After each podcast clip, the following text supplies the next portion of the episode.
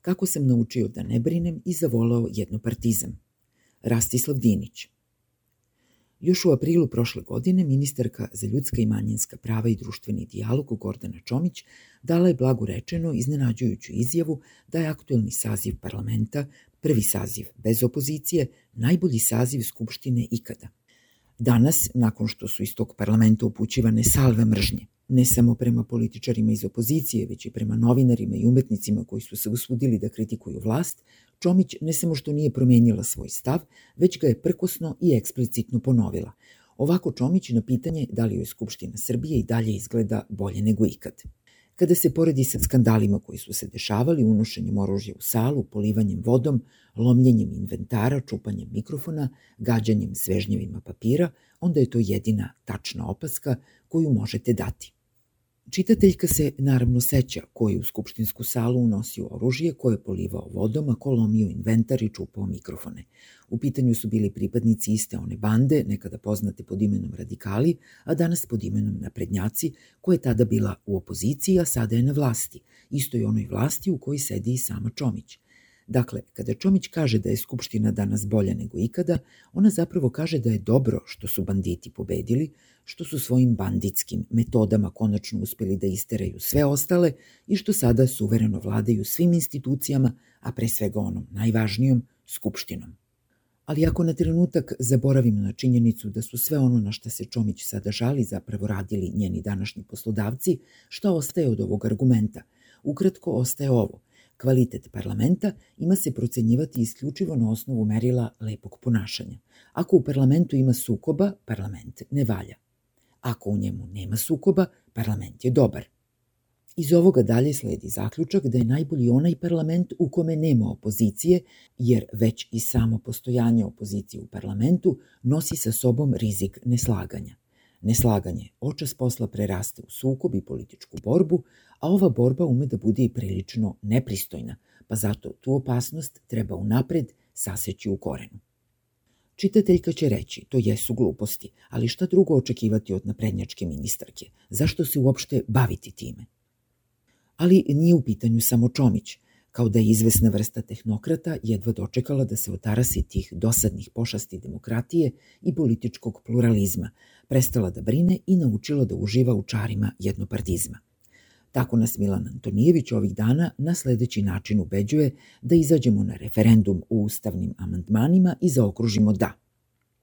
Upravo ovaj gotovo jednopartijski parlament ne samo da treba da progura izmene ustava u skladu sa očekivanjima Evropske unije, nego je možda i jedini koji to zapravo može, jer je za to potrebna dvotrećinska većina u Skupštini.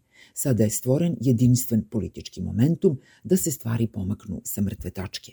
Svako odlaganje bi značilo katastrofu za evropske integracije i traćenje još mnogih godina naših života dok protivnici predloženih ustavnih promena insistiraju upravo na nedostatku demokratskog legitimiteta aktualne skupštine, da se uopšte upušta u proces koji po pravilu zahteva širok društveni konsenzus i visoki nivo građanske participacije, Antonijević nam preporučuje da na referendumu glasamo da, ne uprkos tome što ga raspisuje jednopartijska skupština, već upravo zbog toga.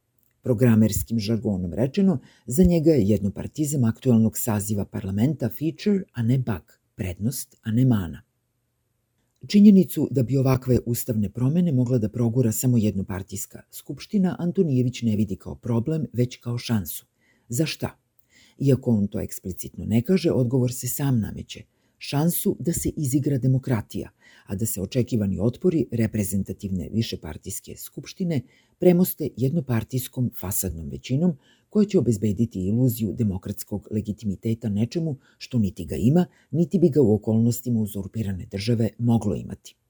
Šta Antonijević podrazumeva pod političkim momentumom, teško je reći, ali šta god daje, to ima vrlo malo veze sa načinom na koji se ovaj pojam inače koristi užem tehničkom smislu politički momentum podrazumeva da kandidat beleži rast popularnosti i da će u narednom periodu nastaviti da ga beleži.